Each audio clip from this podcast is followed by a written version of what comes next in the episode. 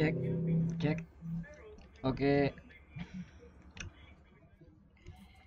Eh, kembali lagi dengan podcast alter imaji dan kata di episode kedua kali ini.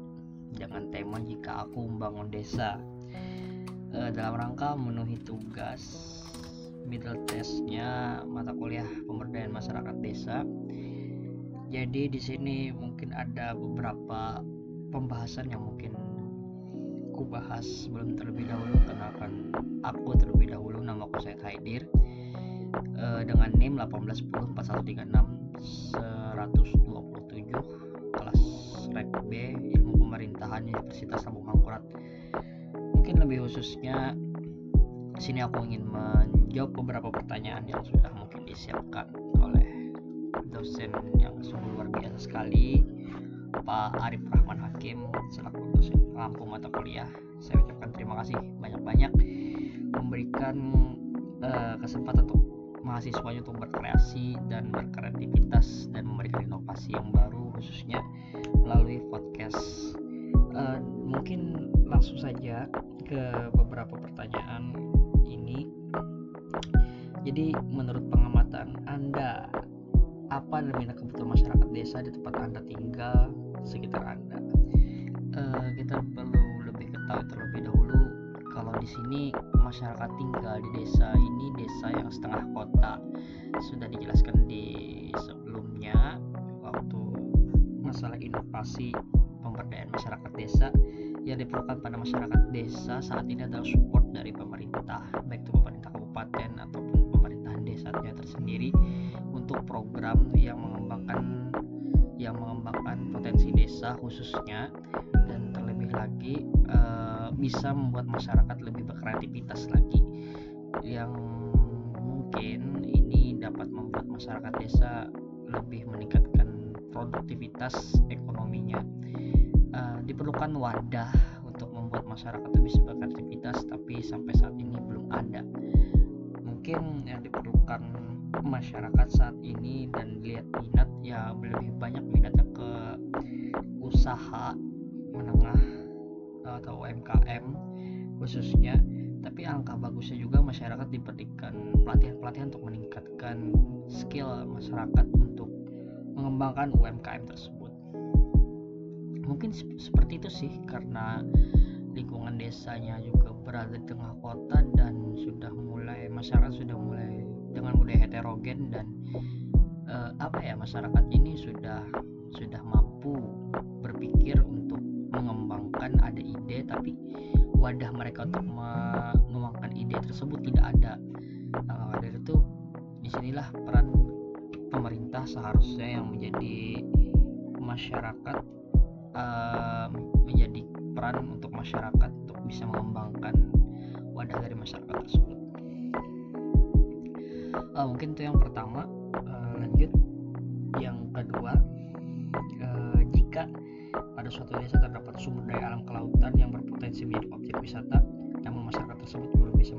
memanfaatkannya, itu aktivitas pariwisata.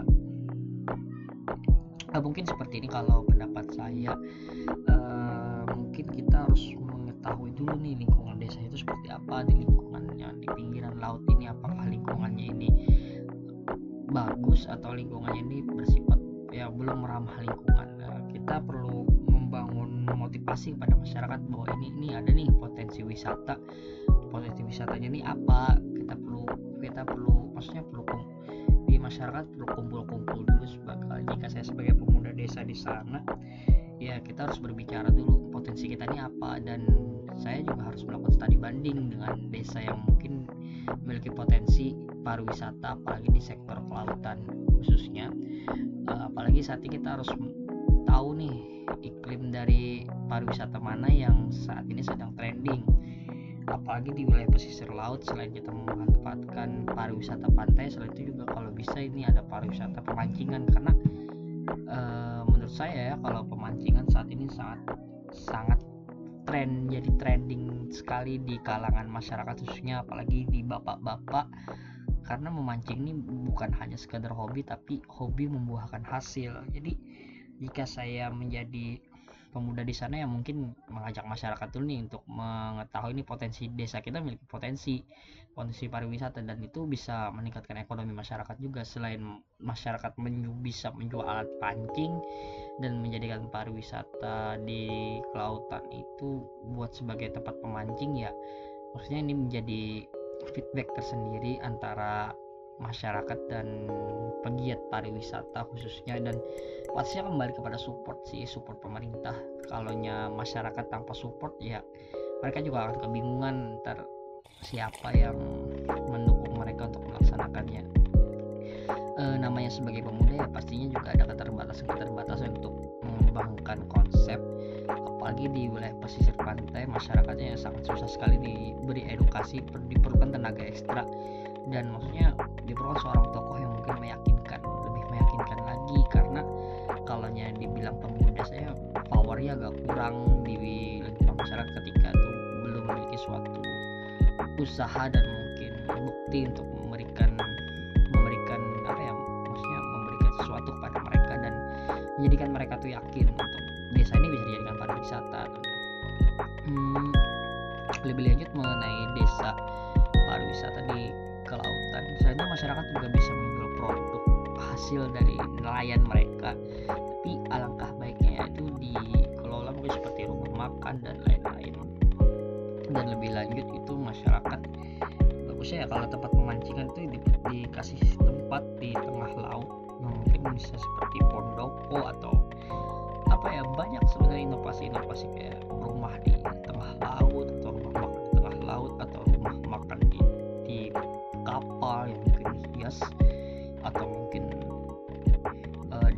objek wisata lainnya seperti pantai juga kan selain pemancingan itu. Tapi uh, diberikan banyak spot-spot yang mungkin bisa menarik minat pariwisata khususnya. Uh, yang mungkin unik memberikan khas uniknya itu. Dan kita harus cari tahu dulu di mana nih titik letak uniknya di desa kita ini apa tuh kan yang bisa dijadikan maskot ataupun bisa dijadikan ikonik yang mungkin bisa menarik pariwisata apalagi e, kalau desa ini di kelautan tuh ada budaya-budaya yang mungkin bisa menarik pariwisata ini mungkin perlu dikembangkan lagi nih perlu dibicarakan dan perlu diberikan pelatihan kepada generasi-generasi budaya khususnya pemuda-pemuda di desa itu buat mengembangkan budaya. Selain itu ya diperlukan lagi uh, konsep baru dan advertising khususnya pengiklanan pengenaan dengan desa kita ini yang pasti perlunya sama dan perencanaan yang cukup matang. Apalagi pemuda-pemuda desa ini kalau yang dibilang tingkat pendidikannya yang sangat minim sekali diperlukan pendidikan-pendidikan yang mungkin membuat bis mereka tuh bisa untuk berkembang dan bisa mempromosikan desanya untuk potensi kelautan. Dan ini juga ber, bertepatan dengan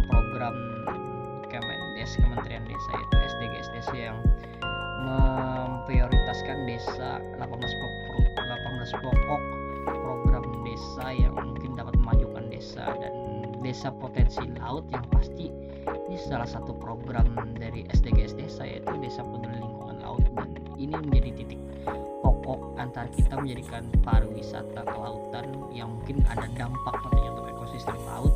Yang pasti ini menjadikan kita berpikir lagi kenapa kita harus membuat pariwisata laut?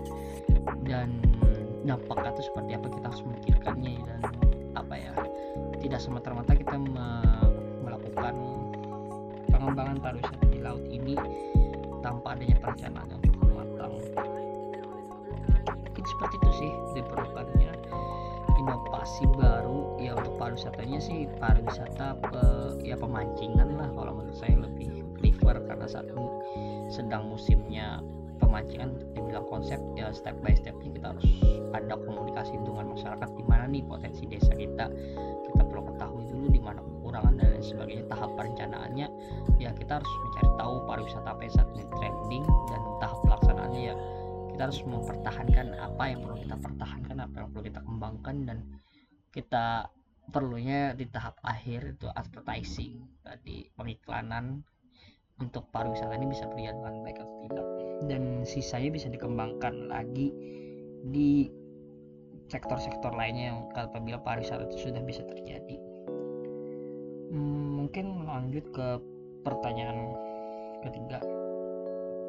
Pada suatu desa terdapat masyarakat yang sangat beragam baik agama, suku, bahasa, dan berbeda strata sosial lainnya. Kemudian pada suatu peristiwa uh, terjadilah konflik yang besar yang mana masyarakat ketika eh, sebagai pemuda tersebut apa yang bisa dilakukannya.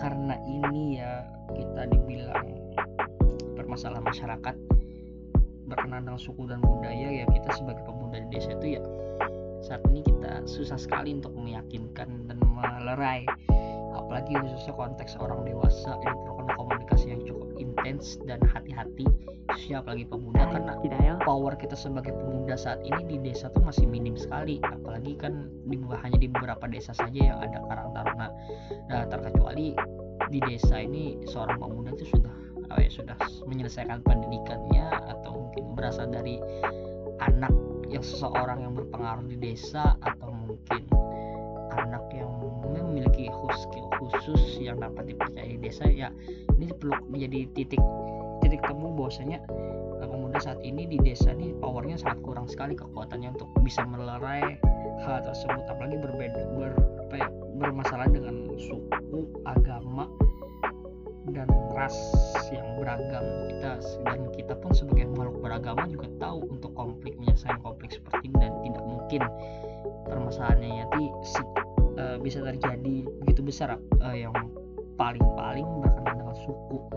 Nah kita di sini berada di salah satu suku pastinya kan di antara dua dua masyarakat yang berlerai ini jika pun tidak uh, kita tidak berhak untuk mencampur tanganinya secara besar-besar. Yang penting bisa mengkomunikasikan dengan baik bahwasanya ini akan menjadikan dampak negatif sendiri untuk kita dan mungkin untuk mereka yang sedang bermasalah dan solusi terbaik adalah melakukan komunikasi dengan aparat desa khusus sebagai penengah nantinya uh, agar bisa melerai masyarakat tersebut dengan baik. Dan apabila ini juga bermasalah sampai ke aparat desa ya yang kita lakukan saat ini adalah mungkin bisa menenangkan di salah satu pihak saja tapi tanpa berpihak kepada pihak lainnya.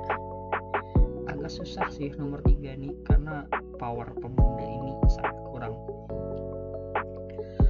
Oke mungkin yang terakhir jika saya menjadi seorang presiden maka saya akan membuat program-program desa sebagai berikut. Minimal lima program menjelaskan.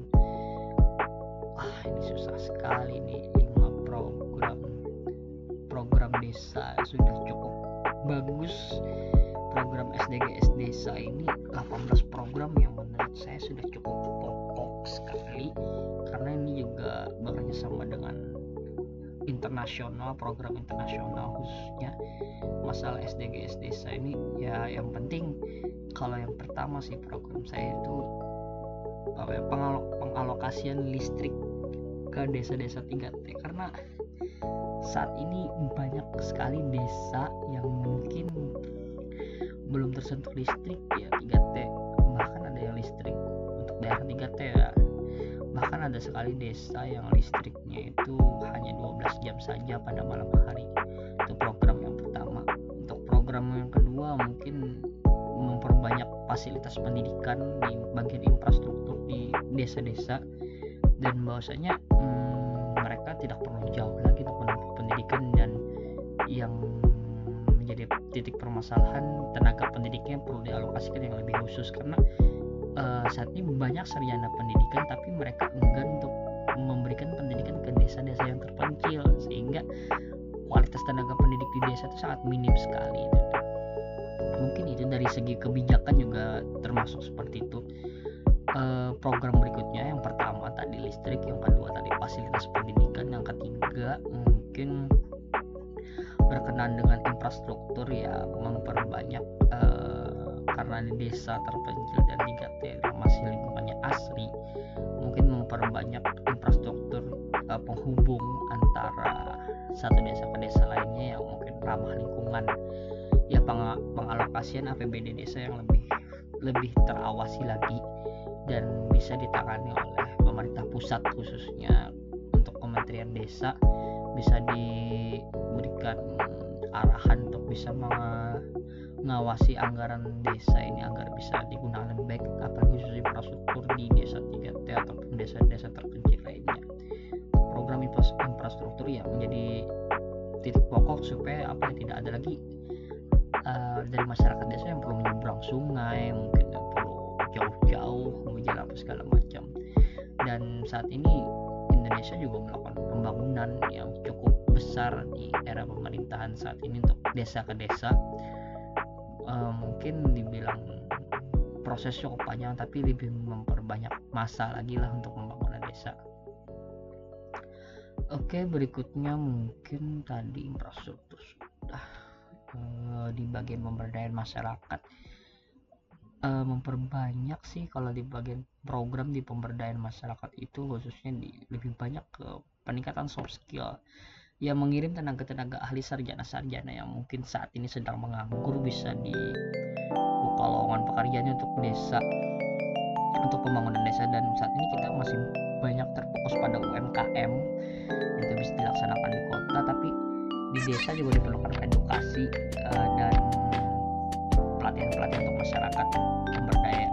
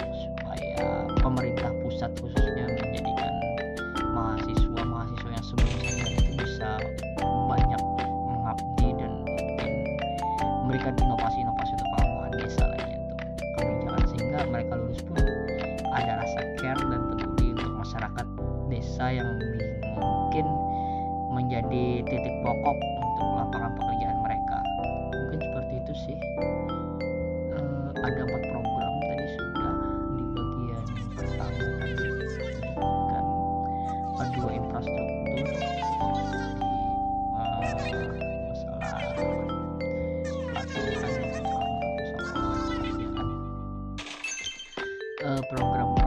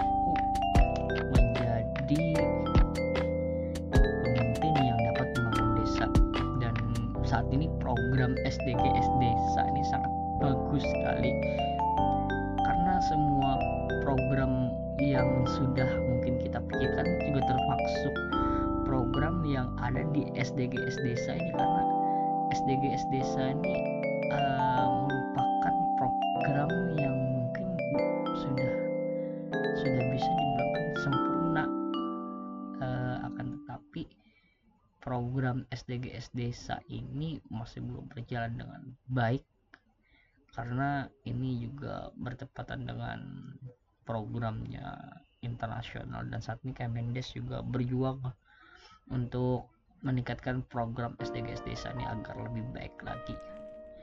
Dan ini menjadi deklarasi global oleh negara-negara anggota PBB biasanya 18 pokok dari SDGs desa ini yang menjadi titik titik tujuan untuk desa menjadi desa yang maju khususnya ya lebih lagi jika saya tadi kan menjadi presiden khususnya kan uh, mungkin lebih ke penekanan pembangunan desa daripada pembangunan yang infrastruktur yang berada di kota. Untuk kalau saya sih kalau jadi presiden masih mungkin masih menunda untuk pemindahan ibu kota di Kalimantan karena untuk pengalos pengalokasian anggaran ya cukup besar sekali untuk itu. Tapi kalau untuk desa ya menjadi ini menjadi uh, penambahan apa ya penambahan pemanfaatan dan maksudnya ini uh, kita memberikan rezeki kepada mereka mereka pun juga memberikan rezeki kepada kita dengan desa yang maju.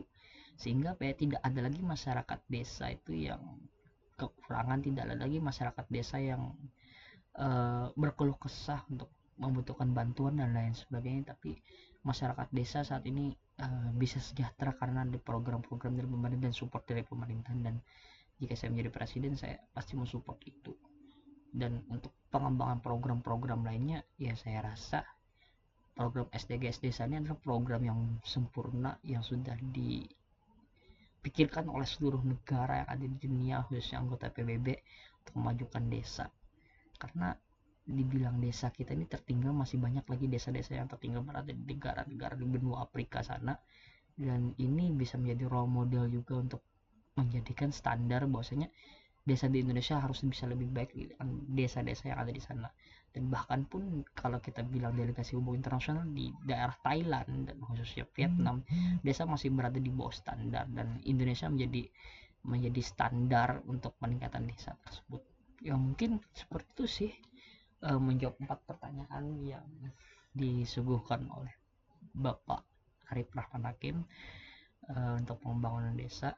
Dan mungkin all of one saya ucapkan terima kasih dan mohon maaf apabila ada kesalahan baik ucapan atau kata ataupun ada noise noise keribut yang berada di, sekitar. Karena uh, lingkungan mungkin tidak mendukung untuk merekam ini dan saya berusaha untuk sebaik mungkin. Sekali lagi saya ucapkan mohon maaf dan terima kasih. Saya akhiri uh, see you